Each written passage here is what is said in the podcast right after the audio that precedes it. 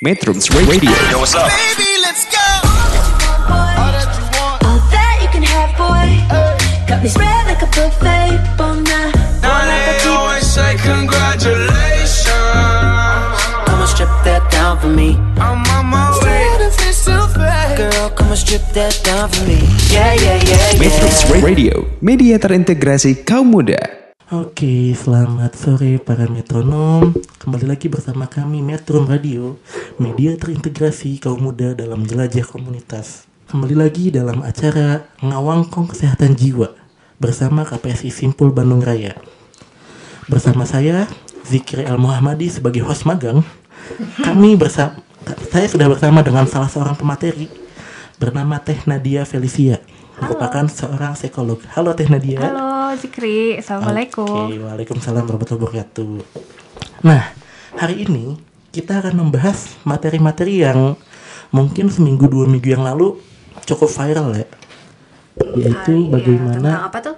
mengenai perilaku agresi pada remaja dan bagaimana sih pola asuh yang tepat supaya kita bisa mengendalikan remaja itu sendiri. Ini cocok banget buat para orang tua dan juga para praktisi parenting yang memiliki anak remaja tentunya. Oke, langsung aja nih kita masuk ya. Untuk memperkenalkan diri pada Teh Nadia. Oke, Teh Nadia silahkan perkenalkan dirinya. Iya, halo, Assalamualaikum semuanya. Aku eh, Nadia Felicia Mardika. Eh, baru lulus jadi psikolog nih, baru dua bulan Wah, ini. Psikolog fresh graduate ya Iya, istilahnya. fresh graduate. Jadi terus baru beberapa bulan ini juga eh, apa praktek di klinik. Jadi memang ini psikolognya psikolog baru juga, psikolog bawa kencur. Oke, yesterday afternoon ya. Iya baru. Psikolog kemarin sore istilahnya ya. Iya. Oke, berarti ilmunya masih fresh-freshnya dong. Oh iya, insya Allah ya. Oke. Kalau Teh Nadia ini sebelumnya psikolognya ngambil di UI ya? Aku ngambil di UI ya. Aku ngambil apa klinis anak, magister profesi psikologi klinis anak di Oke. Universitas Indonesia. Boleh ceritain dulu sih bagaimana sih karakteristik bahasan klinis anak tuh yang menjadi ranah psikolog? Kalau psikolog, nah itu kan secara pendidikan ya. Iya. Pertama kan ngambil S1 psikologi nih. Betul. Di S2-nya nanti ada pilihan klinis. Ada klinisnya itu jurusannya ada nanti ada klinis anak dan itu klinis anak dan remaja, terus ada klinis dewasa. Nah, kalau memang fokus untuk klinis anak dan remaja ini fokus sama masalah anak ya usianya sekitar dari bayi hingga sekitar 18 tahun Oke, gitu. Nah, kalau yang dewasa berarti ya? mm-mm, 18 sampai ke atas gitu. Oke. Nah, sekarang kan kita di sosial media nih. Kan banyak ya perilaku-perilaku yang video-video viral entah anak berantem, anak tahu kan yang beberapa video di sosial media sampai jambak-jambakan. Terus juga agresi verbal, bullying, cyberbullying dan kawan-kawan. Iya. Sampai yang paling viral ya kasus yang kemarin pembunuhan Kasus yang itu. baru banget itu ya. Itu Mm-mm. yang paling viral ya. Nah, kira-kira menurut Teh Nadia nih, karakteristik remaja tuh kayak gimana sih? Kan saya juga belajar nih teori-teori zaman dulu tuh, apakah masih valid untuk zaman sekarang? Teori-teori remaja itu. teori ya, secara teoritis. Kalau Iya. remaja sebetulnya eh, nggak akan lepas dari perubahan yang sedang mereka alami sih, ya. Oh, gimana tuh? Perubahannya eh, awalnya tuh mereka kan anak-anak nih dari usia 1 sampai kalau sekarang mungkin 10 tahun kali ya itu masuk masuk masa anak-anak. Terus dari 10 tahun itu 10 sampai 11 lah sekarang kayaknya anak-anak tuh udah pada mulai masuk masa remaja. Masa remaja itu adalah perubahan yang luar biasa besar. Pertama dimulai dari perubahan secara fisik mereka. Secara fisik, secara fisiologis, anak-anak kan banyak mengalami eh remaja-remaja ini kan banyak mengalami uh, perubahan hormon. Perubahan hormon yang ditandai kalau pubertas tuh pada remaja kan kalau cewek uh, mengalami menstruasi, kalau cowok mengalami menstruasi apa? melalui mimpi basah. Nah, ditambah dengan banyaknya mood swing dan mood swing itu karena ya perubahan hormon yang luar biasa besar itu juga ada tadi kan ada perubahan primer ya dengan dengan ada mimpi basah sama menstruasi terus perubahan sekunder juga secara fisik juga mereka berubah. Dan itu juga membuat mereka banyak mengalami ya tadi mood swing tadi. Mood swing itu pun juga eh, mempengaruhi mereka nih dalam psikologis mereka sehari-hari mereka kan jadi banyak ngerasain kayak gini ya kok kayaknya saya berbeda nggak kayak dulu lagi. Kok kayaknya dulu yang kayak gini happy. Kok kayaknya yang kayak dulu tuh kayaknya menyenangkan. Sekarang kok jadi ngebosenin nih kayak gitu. Dan mereka mulai ngerasain hal seperti itu. Dan ditambah lagi untuk usia remaja eh, pertemanan itu adalah sesuatu yang sangat luar biasa penting ya gitu. Buat buat masa perkembangan mereka. Jadi gimana pun juga di tengah badai eh, apa badai perubahan yang luar luar biasa besar secara fisiologis baik secara primer maupun sekunder mereka juga ngerasain kalau oh saat ini eh, apa aku harus eh, apa nunjukin diri aku sebagai seseorang eh, remaja yang misalnya di tengah-tengah lingkungan teman-teman yang seperti apa.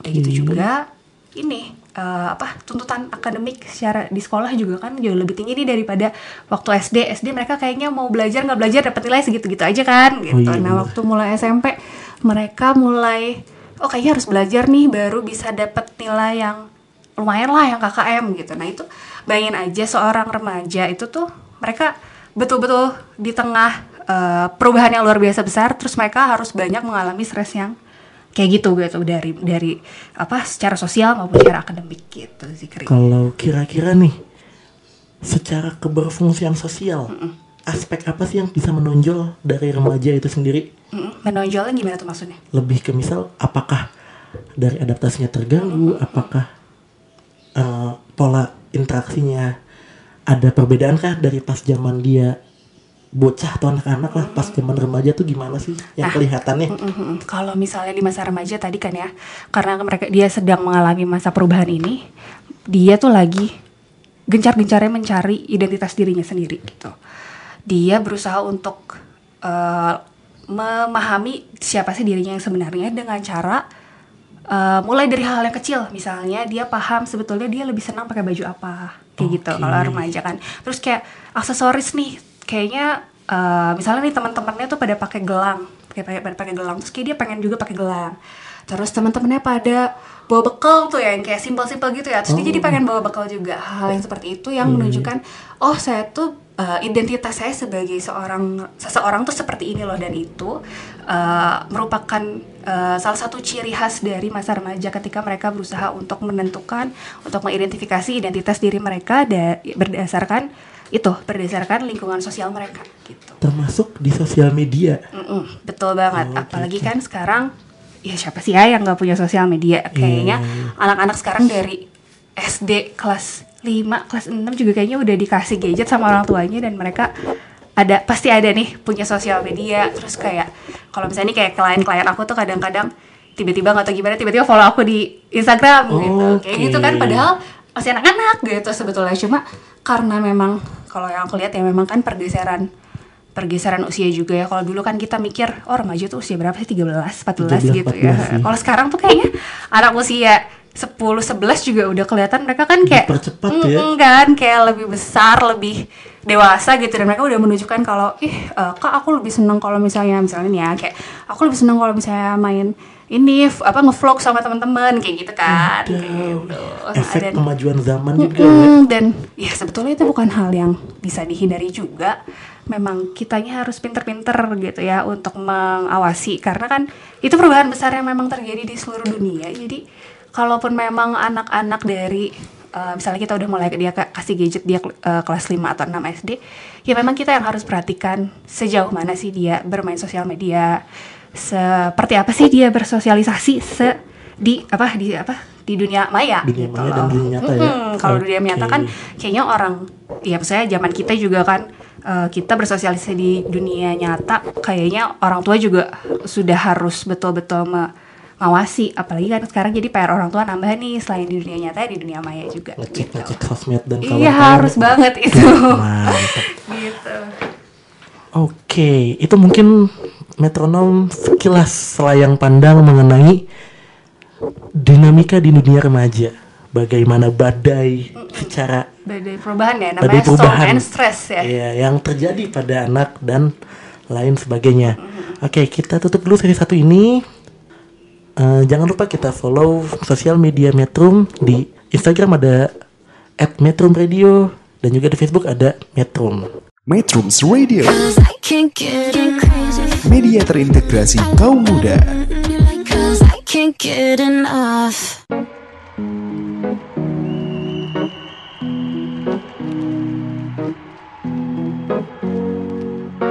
Here's to the ones that we got.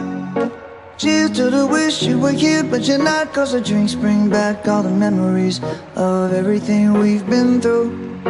Toast to the ones here today.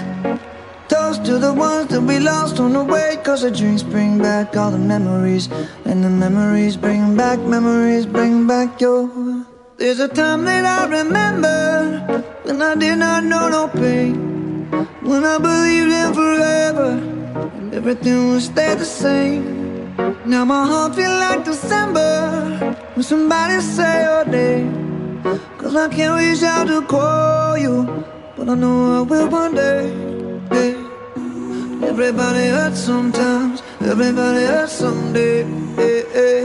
But everything gon' be alright. Gonna raise a glass and say, hey. Here's to the ones that we got. Cheers to the wish you were here, but you're not. Cause the dreams bring back all the memories of everything we've been through. Toast to the ones here today. Toast to the ones that we lost on the way. Cause the drinks bring back all the memories. And the memories bring back, memories bring back your.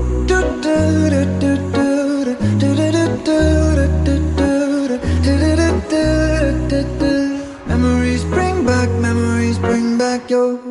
There's a time that I remember when I never felt so lost. And I felt all of the hatred was too powerful to stop. Now my heart feel like an ember, and it's lighting up the dark. I'll carry these torches for you, and you know I'll never drop.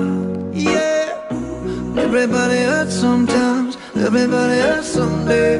Yeah, yeah. But everything gon' be alright. Gonna raise a glass and say, hey. Here's to the ones that we got. Cheers to the wish you were here, but you're not. Cause the drinks bring back all the memories of everything we've been through. Toast to the ones here today. Toast to the ones that we lost on the way. Cause the drinks bring back all the memories. And the memories bring back, memories bring back your. Memories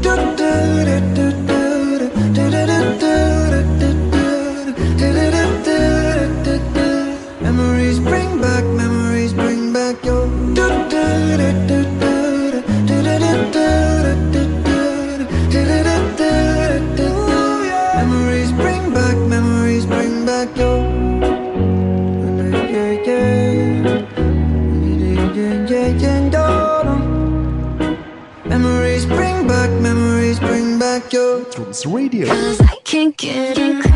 media terintegrasi kaum muda.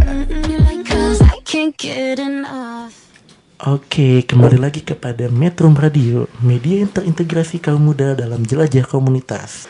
Nah, eh, metronom tadi kita sudah mendengar nih bagaimana karakteristik remaja secara teoritis dan dinamika yang dialaminya. Sekarang kita sedikit apa ya istilahnya melebar mengenai fenomena yang terjadi di dewasa ini. Sebelumnya kami ingin berterima kasih dulu kepada para pendengar yang sudah mengunduh aplikasi Metro Radio dan juga para pendengar yang sudah mendengarkan di web Metrum yaitu www.metrum.co.id. Terima kasih sudah mendengar dan sudah mengikuti kegiatan kami selama ini. Oke, balik lagi ke fenomena yang terjadi di lapangan mengenai agresi pada remaja. Oke.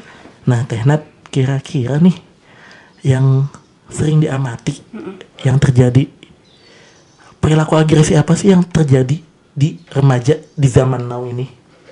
Kalau remaja sekarang agresi ini kali ya, mungkin cyberbullying sih. Sebenarnya se- bentuknya bullying, cuma bentuknya kar- di karena di sosial media jadi bentuknya cyberbullying. Oke, gitu ya. bullying to the next level ya. Mm, Oke. Bullying yang sophisticated gitu ya. Sophisticated. Waduh. kan mereka misalnya nih ada anak yang upload sesuatu nih di Instagramnya atau upload sesuatu di YouTube-nya terus teman-temannya ya nyinyirin dia lah misalnya ngatain dia apa lah ngatain dia apa Oke, terus kadang-kadang nih ya bahkan ada aja yang canggih kayak eh manggil geng yang lain terus eh apa suruh untuk ngomen-ngomen yang jelek kayak gitu gitu ada ada aja yang kayak gitu. Iya, sebetulnya kan eh, fenomena agresi di remaja sebenarnya bukan hal yang baru juga ya. Iya, iya. mau bentuknya apakah secara sosial media ataupun memang dalam kehidupan nyata sehari-hari kayak apa agresi antar remaja tuh adalah sesuatu yang ya emang eh, tidak bisa dihindari gitu loh. Karena gini sebenarnya pada setiap orang kan ada dorongan untuk Oke. melakukan agresi gitu ya. Semua semua orang juga punya dorongan agresi tersebut. Cuma karena itu tadi karena pada remaja mereka sedang som and stress ditambah pada beberapa remaja kemampuan mereka untuk menghadapi eh, agresi tersebut untuk mengelola agresi tersebut coping strategi mereka untuk eh, apa mengelola impuls agresi tersebut terbatas sehingga akhirnya ya kayak gitu keluarnya misalnya ngatain orang di sosmed terus misalnya ngelabrak eh, temennya yang menurut dia gak banget gitu padahal kan ya ya. temen-temennya temennya juga gak apa-apain kayak misalnya banyak lah kita lihat video-video kayak eh, temennya nih yang pernah aku lihat tuh yang kayak dia kayak eh, special needs gitu ya berkebutuhan khusus terus udah gitu dia dibully sama temennya cowok terus kayak di apa dipukul-pukul di eh, tendang-tendang kayak gitu kan. Padahal sebetulnya eh, si teman itu nggak lagi ngapa-ngapain juga gitu kan. Padahal yang kayak gitu kan berarti mungkin ada dorongan agresi tertentu yang memang tidak mampu tersalurkan dengan baik tidak mampu ditangani dengan baik sama anaknya sama remaja tersebut dan akhirnya malah keluar ke secara sosial dan se- apa bentuknya jadi maladaptive behavior gitu. Oke, perilaku yang tidak sesuai dengan norma ya. Mm, gitu Kayak sinetron bawang merah bawang putih iya dulu iya waktu saya bocah benar nonton benar. tuh. iya iya iya iya Ya oke, termasuk makin banyak ya fans cyberbullying itu ya. Dan kalau saya kaitkan lagi nih, mereka apakah remaja juga suka per kelompok dan menyerang kelompok lainnya itu Mm-mm. jadi yang tidak sesuai nah itu gimana tuh? Kalau bullying kan itu bentuknya memang cy- cyberbullying itu kan ada bentuknya bullying yang cuma individu ke individu gitu kan. Ada juga yang bentuknya kelompok ke kelompok kayak gitu. Oke. Ah, emang ada bentuk eh, cyberbullying yang seperti itu dan eh, kenapa sekarang kayaknya kesannya kok makin banyak? Sebetulnya eh, aku juga nggak tahu apakah pertama itu karena di kita kan sekarang di zaman teknologi yang luar biasa cepat gitu kan. Dikit-dikit ada perubahan apa orang tahu gitu. Sekarang dikit-dikit ada misalnya yang bullying di mana, bullying di mana di video viral lah gitu kan.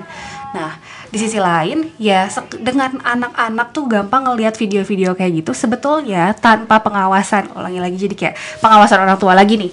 Pengawasan orang tua tanpa arahan yang jelas dari orang tua. Kalau hal tersebut tidak baik ya mereka kan bisa jadi modeling sama video-video tersebut. Mencontoh ya. Ah, modeling bisa mencontoh sama video-video yang menunjukkan kekerasan sama orang lain tersebut mau apakah bentuknya tadi eh, kekerasan eh, atau agresi secara fisik maupun misalnya verbal nih ngatain orang gitu misalnya atau ya saya berbullying gitu agresif dalam eh, sosial media gitu. Berarti fenomena sangat banyak ya. Kira-kira dampaknya apa sih? Atau mungkin Tehnat ada pernah cerita atau studi kasus yang seperti itu dampak dari cyberbullying baik ke siapa namanya korban dan juga pelakunya. Kalau ke korban jelas itu sesuatu yang bisa dibilang bahkan itu sesuatu yang traumatis ya, Iya. gitu. Eh, maksudnya bayangin eh, kita sebagai seorang remaja yang sedang mengalami, maksudnya tanpa masalah bullying pun seorang remaja sedang mengalami some and stress yang sebegitu hebatnya, tiba-tiba dia mendapatkan bullying gitu. Bullying itu kan sesuatu yang eh, apa? Iya memalukan, merendahkan harga diri seseorang juga gitu kan itu jatuhnya bisa jadi trauma dan kalau misalnya trauma itu tidak terselesaikan ya bisa ber eh, bisa jadi continue jadi self esteemnya jadi rendah. Terus juga di kemudian hari ketika dia berusaha untuk menjalin eh, apa hubungan sosial sama orang lain eh, gambaran-gambaran mengenai apa ya bayangan-bayangan atau memori dia mengenai bagaimana dia dibully sama teman-temannya di masa lalu tuh ada aja gitu. Jadi rasanya ketika dia misalnya nih dia berusaha menjalin sosial eh, menjalin relasi sosial sama anak yang eh, sebetulnya baik-baik aja sama dia cuma jadinya karena dia kebayang-bayang sama traumanya di masa lalu ya dia jadi tidak apa ya tidak tidak tidak begitu terbuka terhadap relasi sosial gitu. Jadi jat- jatuhnya dia jadi lebih tertutup dia jadi susah untuk temenan sama orang lain gitu. Kalau kalau untuk korban gitu. Nah kalau untuk pelaku ini bergantung sama apakah pelaku ditindak atau tidak. Kalau misalnya Oke. perila- pelaku nih eh, orang tuanya tahu terus cuma dipanggil sama BK doang. Ah, BK doang terus udah beres gitu. Dia nggak dia nggak dikasih tahu sebetulnya bagaimana yang tepat gitu perilaku mana yang tepat. Itu akan menciptakan kebingungan yang luar biasa besar sama anak sama pelaku sama pelaku sendiri. Karena gini ketika seorang anak menunjukkan misbehavior terus orang tua atau orang dewasa di sekitarnya tidak memberikan batasan yang tegas bahwa kamu harusnya begini kamu tidak boleh seperti itu. Anak tuh akan bingung oh jadi sebetulnya perilaku aku ngegituin temen biasa aja dong? Berarti nggak apa-apa dong aku kayak gitu. Karena kan aku juga nggak di misalnya aku juga nggak di Hukum uh, ya. hukum misalnya. Atau nggak dihukum kalaupun nggak dihukum nggak dikasih tahu nih sama orang tua gitu. Misalnya orang tuanya nggak peduli juga atau bahkan nggak nggak ngasih tahu yang sebetulnya kayak apa gitu. Dan ya itu dengan pelaku yang seperti itu pasti kan sebetulnya gini deh pelaku bullying pun- pasti punya masalah di belakangnya yang menyebabkan dia jadi Di- ngebully teman gitu kan. Nah nanti dengan dia eh, apa melakukan bullying terus orang tua atau orang dewasa di sekitarnya tidak memberikan treatment yang tepat ya pada akhirnya ya perilaku tersebut juga akan terus berulang. Karena dia tidak merasa mendapatkan eh, apa tidak merasa mendapatkan konsekuensi apa pun dari lingkungannya mengenai perilaku tersebut. Gitu sih Jadi takutnya akan membuat konsep diri yang tidak tepat buat anak ke depannya. iya banget. Waduh. gitu. Jadi ya dia ngerasa ya udah dia menunjukkan agresi se maladaptif itu hal yang biasa-biasa aja buat dia gitu. Jadi ya malah itu akan kemungkinan berulang di kemudian hari mungkin bentuknya jadi lebih canggih lagi karena misalnya dia udah remaja makin gede terus misalnya nanti dia, dia dewasa kayak apa tuh sama temen-temennya gitu kan. Kita nggak tahu. Cuma hal seperti itu makanya emang dari kecil harus ditanamkan batasan sama orang tua memang. Value-value dan Mm-mm, konsep-konsepnya value, ya. tegas. Harus harus harus tegas orang tua memberitahu anak tuh mana yang boleh dan mana yang tidak gitu. Oke, ya para metronom, ternyata fenomena remaja tidak sesederhana yang kita kira ya, yang cuman puber baru kenal pacaran terus baru numbuh jakun buat cowok. Ternyata nggak sesederhana itu. Ternyata di dalamnya ada dinamika yang bahkan remaja pun bingung apa yang terjadi iya pada pasti dirinya ya. Ah, bahkan kadang apa ya remaja udah lewat terus dia baru sadar kalau eh ya ampun itu stressful banget remaja tuh gitu kadang mereka bahkan nggak sadar apa ya what's happening to me gitu kata remaja tuh Oh iya iya. Ah, iya. Kalau nih, apakah kan banyak yang bilang juga remaja tuh tingkat keingintahuannya sangat tinggi mengenai beberapa hal. Apakah itu ada kaitannya dengan perilaku agresi yang remaja miliki? misalnya keinginan tawanan tentang apa tuh Misal mereka kepo bagaimana sih rasanya, misal mereka nonton sebuah sin- tayangan TV nih tentang geng-gengan di sebuah sekolah elit. Oke. Mereka kepo, emang rasanya geng-gengan tuh gimana sih? Lalu mereka mengikutinya. Hmm.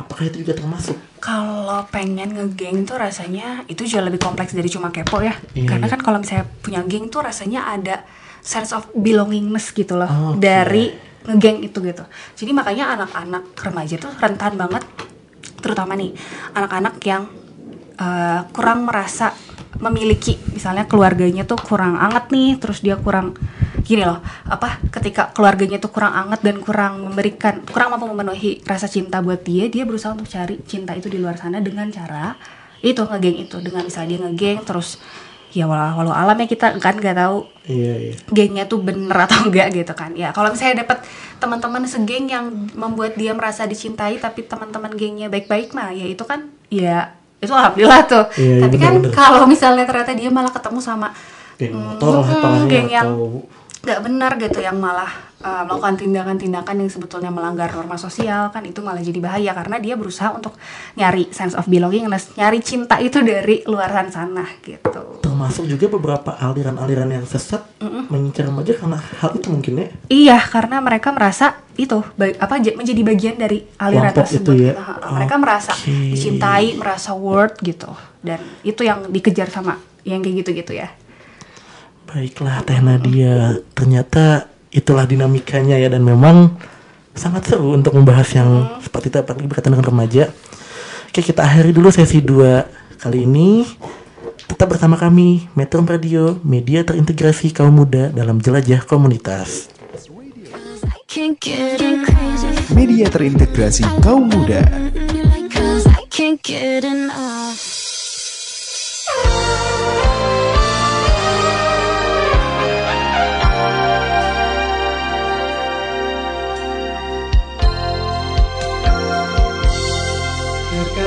Di dalam diri.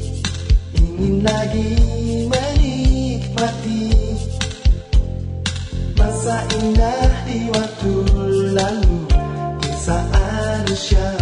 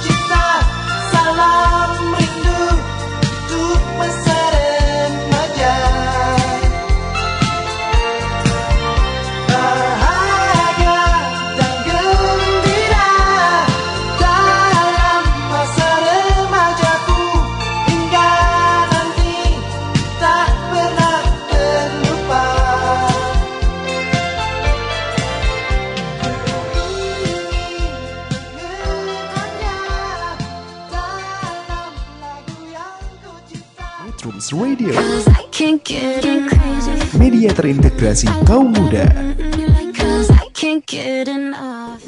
Oke, kembali lagi di Metro Radio, media terintegrasi kaum muda dalam jelajah komunitas. Nah, di sesi 3 ini, kepada para metronom yang ingin mengajukan pertanyaan-pertanyaan kepada Teh Nadia, bisa menghubungi nomor kontak 0856 212 1029. Sekali lagi bagi para metronom yang ingin memberikan pertanyaan kepada Teh Nadia bisa menghubungi nomor kontak WhatsApp di 0856 212 1029. Nah, Teh Nat, sebelum kita masuk ke sesi tanya jawab ini, ada sedikit pesan sponsor nih Oke oke. mengenai fenomena coronavirus. Oke gimana tuh? Jadi para kepada para metronom dan pendengar Metro Radio kita memang harus tetap waspada dan tetap fokus dalam segala kegiatan. Cuci tangannya jangan lupa dan juga makan makanan yang bernutrisi. Walaupun kita waspada, tapi kita nggak boleh panik. Oke. Karena ya Teh Nadia lebih tahu ya kalau panik bukannya bikin makin baik malah Malah blank ya. dan malah memperburuk keadaan. Iya benar. Oke. Nah, Teh Nat, sekarang udah ada penanya nih dari Kang Kin Sanubari di Subang. Nah, katanya mengenai bullying. Mm-mm, Oke. Gimana sih caranya kita ngingetin remaja yang suka ngebully agar mereka nggak sakit hati atau tersinggung? Oke. Berarti Nah, silakan, Teh ini tuh eh, kita sebagai orang dewasa ya, kita sebagai orang tuanya lah anggap ya. Iya. Kalau kayak gitu berarti kita harus ngomongin dari awal. Kita harus ngomongin pola asuh yang tepat buat remaja. Pola asuh yang tepat buat anak gitu kan. Oke, oke. Jadi gini, kalau misalnya ngomongin pola asuh, kayaknya orang-orang tua zaman sekarang udah banyak banget tuh ya baca buku tentang parenting ini, parenting itu, parenting ini, parenting itu gitu ya. Terus teorinya juga sudah sangat banyak disederhanakan sama buku psikologi-psikologi populer. Terus juga kadang kalau misalnya browsing-browsing tuh kayaknya apa mama muda tuh biasanya mama muda atau papa muda tuh kayaknya gampang gitu ya nemu di Google. Cuma kalau menurut aku ada dua hal yang eh, harus di apa jadi ya jadi inti dari parenting yang tepat buat anak ini tuh dari tuh? Ini tuh untuk anak dari usia dini pun dari misalnya dia dari bayi pun hingga masa remaja eh, dua hal ini sangat penting untuk diperhatikan Oke, apa tuh? yang pertama adalah kehangatan atau warmth. Jadi eh, aspek pertama ini harus diberikan sama orang tua. Bentuknya adalah kasih sayang. Ketika orang tua menunjukkan kasih sayang yang memang apa kasih sayang dapat memenuhi kasih sayang kebutuhan kasih sayang dari anak, anak juga akan merasa kalau dunia itu adalah tempat yang aman. Oke. Nah, kebayang nggak sih misalnya gini, kalau seorang seorang setiap orang di dunia ini kan setiap anak terlahir dengan kebutuhan kasih sayang yang kurang lebih segitulah ya, kurang lebih sama. Nah, sementara ketika orang tua tidak mampu memberikan kasih sayang tersebut, misalnya eh, kalau bayi eh, orang tua baik orang tua tuh misalnya eh, ibunya ngegendong dia terus nyusuin dia sambil dilihat sambil diajak ngobrol sambil di apa ditatap dengan hangat gitu di apa tuh di eong-eong gitu ya nah itu tuh Yang siap. Mm, di eong gitu itu tuh eh, itu adalah eh, namanya eh, bentuk bentuk pemberian kasih sayang yang paling primer tuh dari untuk untuk apa untuk bayi. Nah, ketika misalnya di eh, ketika dia udah masuk eh, anak usia dini, ketika dia udah masuk balita, terus anak, terus nanti remaja, kehangatan itu nggak pernah nggak pernah boleh hilang. Jadi gimana caranya orang tua harus tetap memberikan kasih sayang, harus tetap memperhatikan kebutuhan anak itu apa. Ketika misalnya anak butuh untuk eh, apa kadang-kadang anak tuh kelihatan cari perhatian gitu sama orang tua. Ah, iya, Ah, iya, iya, itu tuh sebetulnya anak sedang berusaha mencari kasih sayang yang dia butuhkan dari orang tuanya. Gitu. Kadang-kadang anak menunjukkan c- perilaku caper itu, tapi dengan perilaku yang maladaptif. Gimana tuh misalnya? Sedikit. Jabakin orang. Hmm, bener banget iya. jelas. Waduh, itu kan banget. eh, itu kan caper banget ya. Padahal itu adalah bu- bukan perilaku caper yang eh, tepat gitu kan. Oke. Kalau an- kalau anak tuh memang me- memang dia butuh butuh untuk diperhatikan ya memang dia akan minta sama orang tuanya. Cuma kalau eh, perilaku yang biasa aja tuh tidak diperhatikan sama orang tua, anak-anak yang kekurangan kasih sayang akan berusaha memunculkan strategi lain supaya orang tuanya perhatian sama dia. Makanya anak-anak dengan eh, apa kasih sayang yang kurang biasanya mereka regulasi emosinya kurang bagus karena mereka emosinya lagi biasa aja tidak direspon sama orang tuanya tidak orang tua tidak memberikan kasih sayang gitu. Tidak tidak memberikan perhatian sama dia. Sementara kalau misalnya anaknya misalnya tantrum nih orang tua kan akan memberikan eh, kasih sayang bentuknya. Misalnya yang anak eh, apa eh, terjemahkan di otaknya tuh kayak oh ya ketika aku tantrum ibu mengabulkan apa yang aku pengen. Oke. gitu berarti artinya aku tuh harus tantrum supaya ibu eh, nunjukin kasih sayangnya dia. Karena menurut menurut anak kan ketika ibu ngabulin keinginannya dia berarti kan ibu sayang nih sama dia. Sementara kalau anaknya minta biasa aja ibunya kadang-kadang ada ibu nih yang apa sih capek atau gimana tuh ya? Kadang-kadang kayak ah udahlah udahlah udahlah nanti aja nanti ya? aja gitu kan. Padahal itu adalah momen-momen di mana anak tuh sangat butuh tuh perhatian dan kasih sayang sama orang tua. Jadi mau dari tadi usia bayi terus nanti balita nanti anak maupun masa remaja harus diperhatikan ketika anak memang butuh perhatian orang tua gitu. Jadi eh, step pertama untuk eh, gimana caranya tadi menyambung ke yang tadi ya, nyambung ke gimana caranya kita ngasih tahu anak yang pembuli tersebut supaya dia nggak tersinggung. Pertama adalah memang kita harus dekat sama dia. Kita harus nggak apa memberikan kasih sayang, merasa kalau dia tuh aman loh dengan adanya dengan adanya kita gitu. Jadi ketika anak merasa bahwa dunia itu adalah tempat yang aman, dia tidak akan menunjukkan eh, apa regulasi emosi yang buruk gitu. Oke. Keti- ketika misalnya dia ngerasa oh ya orang tuanya akan selalu merespon ketika dia menunjukkan keinginannya, ketika dia butuhkan sesuatu dia juga nggak akan eh, apa nggak akan cari perhatian dengan cara maladaptif kalau misalnya butuh sesuatu gitu karena bullying itu bisa jadi sal- bullying yang dilakukan itu bisa salah satunya adalah respon dia untuk cari perhatian sama orang tua gitu. Jadi bisa aja bocah tuh anak tuh mikir remaja tuh mikir ya kalau caranya gue supaya diperhatiin orang tua tuh dengan cara masuk BK. Ya bisa aja tuh ya itu bisa itu aja. ekstrimnya ya? Mm, yang ekstrimnya kayak gitu. Dan Oke. maksudnya dengan dia eh, dengan dia dari kecilnya juga punya skema berpikir misalnya punya punya skema berpikir yang memang oh orang tua gue nggak akan perhatian kalau misalnya gue memang nggak melakukan sesuatu yang negatif orang tua baru perhatiin gitu. Dia tanpa sadar punya skema berpikir seperti itu di otaknya dan pada akhirnya perilaku tersebut yang terus menerus muncul gitu. Jadi memang orang tua penting banget untuk memenuhi kasih sayang itu sama anak. Itu yang pertama.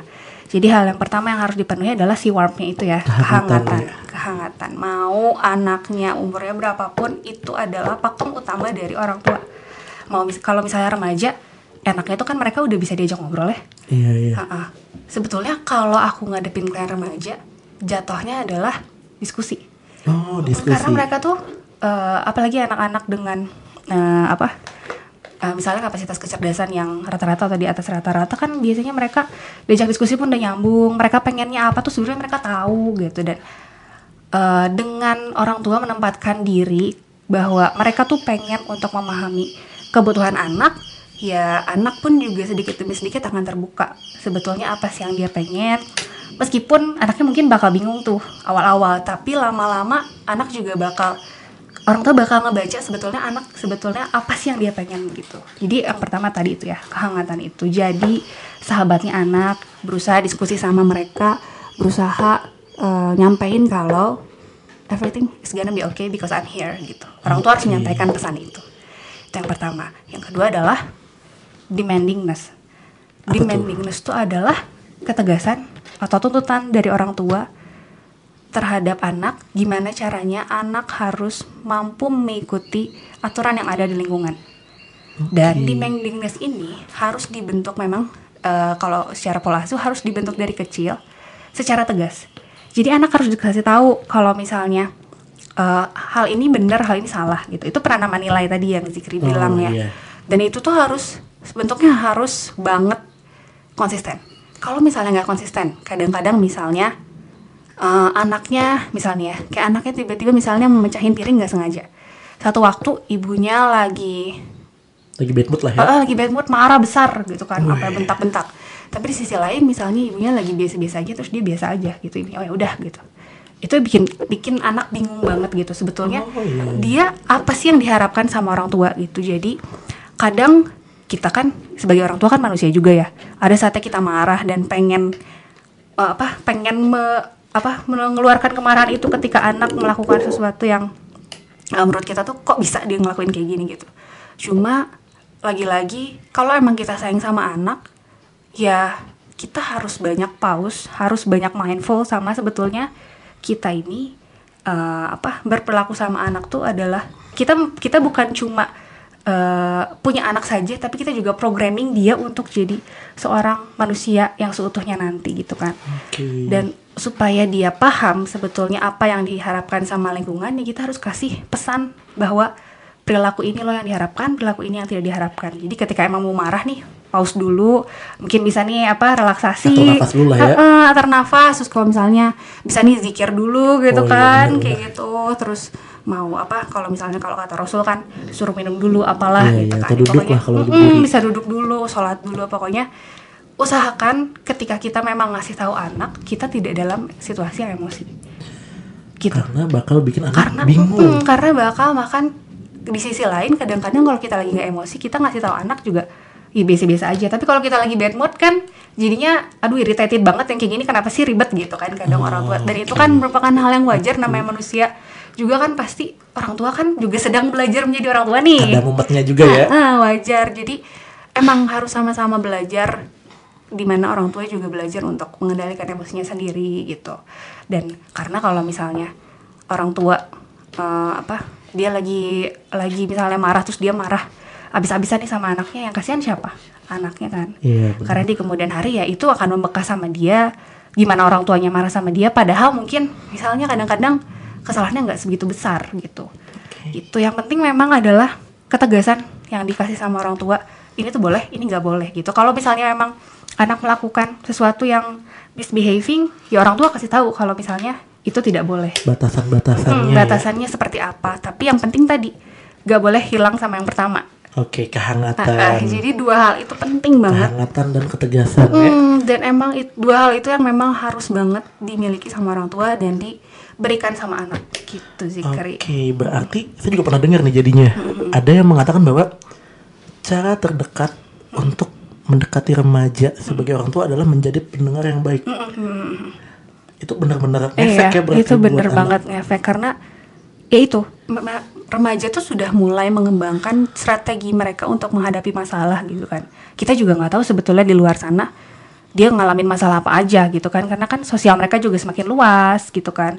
Secara akademik juga ya mungkin dia banyak ngala- ngadapin misalnya ujian praktek lah atau apa gitu. Dia tegang harus ngadepin gimana gitu kan. UN, UTBK tuh Mm, itu kan stressful buat mereka Iya, iya. gitu. Dan sebetulnya kemampuan mereka untuk ngadepin masalah lagi berkembang berkembangnya dan sebagai orang dewasa. Kita bantu mereka untuk ngarahin gimana sih caranya harusnya ngadepin gitu. Karena kan perkembangan itu kan masih jalan nih sampai nanti dia dewasa.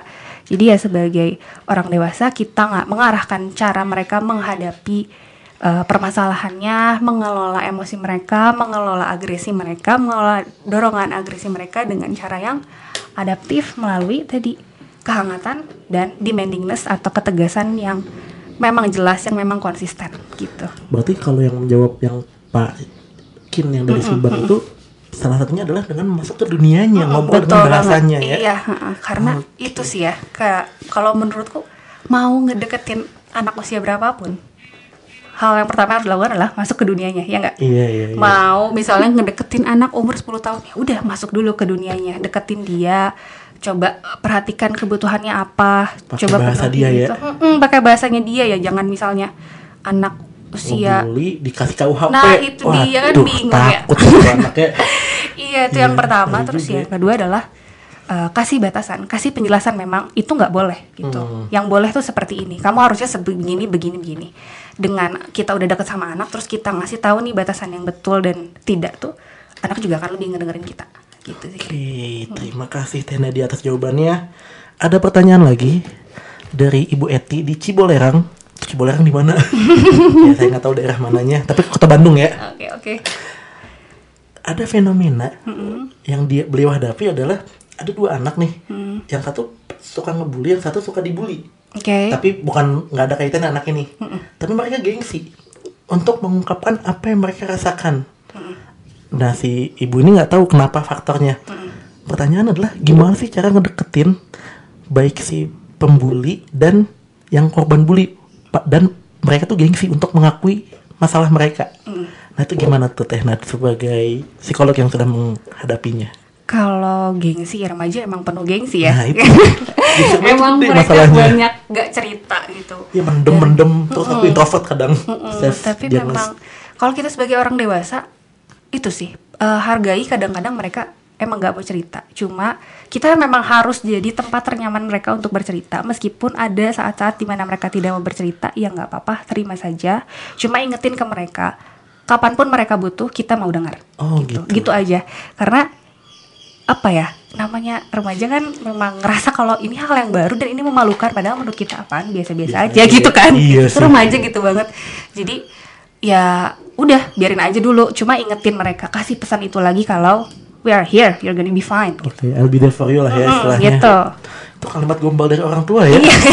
Emang sih itu tapi betul loh tapi itu, ngefek ya. itu ngefek membuat kita ngerasa ya everything is gonna be fine sih sebenarnya Oke. gitu karena kita karena kita apa karena kita selalu punya tempat untuk kembali yaitu orang tua gitu Oke. tapi sayangnya ya tidak semua anak punya itu sih walaupun orang tuanya sibuk kerja juga kita sebagai nanti orang tua pun harus Harus benar-benar tetap bilang ya. Harus tetap apa pun ngasih. kita saat kita menghadapi anak harus tetap kayak gitu harus senyum ya. karena ya gimana tanggung jawab udah bikin anak tuh Oh iya, terus benar. masa cuma mau kerja dan cuma mau memenuhi kebutuhan materi mereka tapi secara psikologis tidak dipenuhi itu nggak mungkin mending nggak usah punya anak kalau menurutku oke.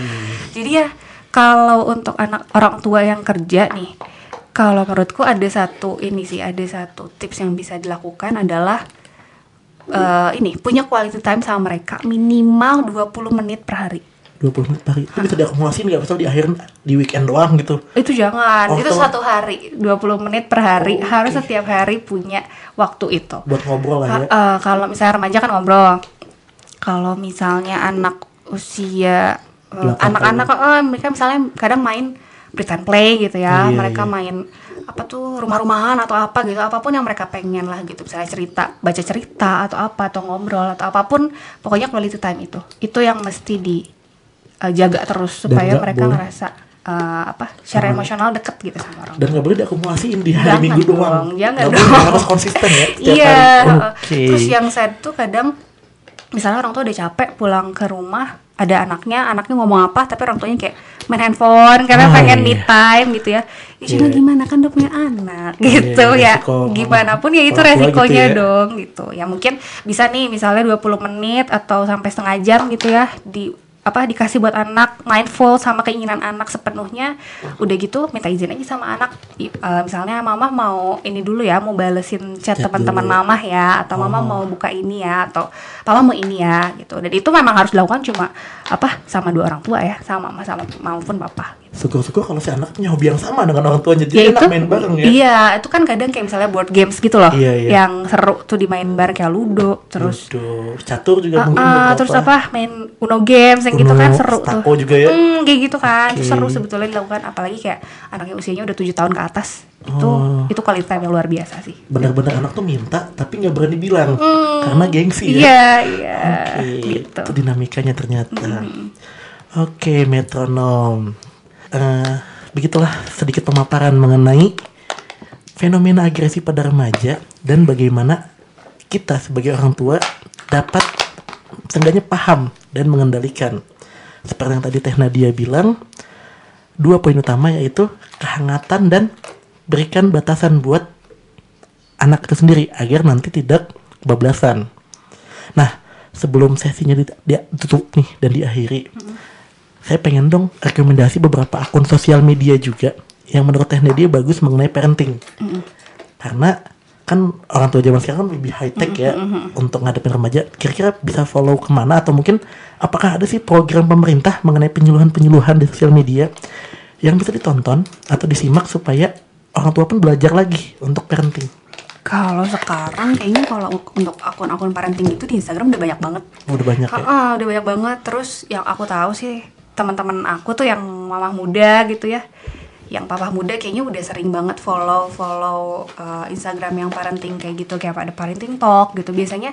Dan mereka mencantumkan sumber yang uh, apa ya yang kredibel lah. Misalnya sumbernya itu adalah ya psikolog anak misalnya. Terus misalnya ada psikiater atau dokter tumbuh kembang dan lain sebagainya. Dan uh, kayaknya di Instagram udah sangat banyak dan akses yang luar biasa itu perlu banget dimanfaatkan sama orang tua gitu cuma ya jangan sampai cuma baca parenting talk doang terus nggak ngapa-ngapain sama anaknya Iya. gitu ya Baca terus parenting tapi anaknya didiemin iya jangan sampai PS kayak gitu gitu, kan. ya harus dipraktekin langsung sama anak dan karena itu sih yang paling susah adalah prakteknya jujur Oke. kalau misalnya secara teoritis sebetulnya orang-orang tua zaman sekarang sudah jauh lebih cerdas ya dikasih tahu gini mereka kalau mereka terbuka mereka terima gitu cuma ketika prakteknya kadang-kadang ya itulah namanya kadang-kadang naik turun misalnya kayak aduh capek lagi gini. Cuma yang penting adalah prinsipnya dipegang aja. Si si apa ke warmth dan demandingness itu ya kehangatan dan batasan yang tegas itu dipegang. Jadi kalaupun ada naik turunnya sedikit ya nggak akan jauh dari pakem yang memang mereka sudah bikin lah Oh gitu. iya, dan memang harus disepakati dulu sama anaknya ya. udah jelas itu uh, aturannya itu nggak bisa kayak gini loh. Kalau ngasih aturan sama anak nggak bisa kayak kamu nggak boleh kayak gini. Gitu. Terus anaknya bingung dong itu kenapa nggak boleh Harus ada alasannya ya. Iya dong, harus ada alasannya. Kalau misalnya nggak ada alasannya, ya anak juga nggak paham kenapa dia dilarang gitu kan. Karena masalahnya eh, penanaman moral yang paling utama adalah anak paham kenapa dia dilarang. Bukan hanya dia Aturan dilarang ini, ya? Heeh, gitu. Dia harus paham misalnya dia, oh ya nggak boleh bully temen dong. Kenapa ya kalau misalnya kamu bully temen berarti eh, apa? Kamu melukai perasaannya. Kamu nggak kamu nggak eh, harus perhatiin perasaan orang gitu. Itu kan mengajarkan dia untuk berempati gitu kan. Alasannya adalah eh, kamu harus berempati sehingga kamu nggak boleh ngebully orang gimana pun caranya misalnya kayak gitu ya. Oke, mantap sekali Teh Nadia. Dan memang metronom kadang saat kita sebagai orang tua mendengar kalimat mama atau papa nggak pernah ngertiin aku tuh kan pasti celep banget Aduh ya. rasanya gimana ya? Dan memang mungkin salah satu cara untuk supaya nggak keluar kalimat itu dari anak adalah kita mulai mendengarkan juga dari anak dan mengikuti bahasa anak itu sendiri apalagi remaja. Bukan bahasa tuh misalnya nggak harus ngikutin dia bahasanya itu ya Bukan bahasa. gaul terus kita ikutan gaul lah, gitu gitu ya cuma yang penting kita ya. terjun mm, terjun ke lingkungannya sebenarnya kalaupun pernah omong itu sama anak jangan ngerasa sendiri sih karena Oke. ya itu tadi balik lagi orang tua tuh sedang belajar emang sebelumnya pernah jadi orang tua ada. enggak kan ada jadi mereka sih. Mm, mereka pasti sedang belajar juga jadi orang tua jadi me- me- apa ya pernah menunjukkan atau pernah melakukan kesalahan adalah sesuatu yang wajar yang penting udah tahu salah jangan diem aja Oke. tapi belajar terus karena ya being a parent is a long time learning ya sampai kapan pun juga sampai akhir hidup Mm, sampai ya. sampai akhir hidup. Oke. Kita akhiri saja Ngawangkong Kesehatan Jiwa bersama KPS Simpel Bandung Raya yang hari ini temanya adalah agresi pada remaja dan bagaimana pola asuh yang tepat untuk menghadapi remaja. Oke, terima kasih para metronom. Untuk teman-teman yang tadi ketinggalan sesinya atau pengen mendengarkan lagi sesinya bisa didengar di Spotify di podcast at Metro Radio. Lalu buat segala informasi mengenai siaran Metro Radio bisa di follow di Instagram at Metro Radio dan juga bisa didengar lagi di aplikasi Metro Radio di- bisa dicari di Play Store. Oke, kita akhiri saja sesi hari ini. Saya Zikri sang host magang izin pamit bersama Nadia Teh Nadia. Felicia. Terima kasih. Stay tune di siaran selanjutnya. Metro Radio, media terintegrasi kaum muda dalam jelajah komunitas. Metro Radio. Yo, what's up? Baby, let's go. All that you can have, boy. Got me spread like a buffet. Bon night, bon Now they appetit. always say congratulations. Come and strip that down for me. I'm on my way. Girl, come and strip that down for me. Yeah, yeah, yeah, Metro yeah. Radio, media terintegrasi kaum muda.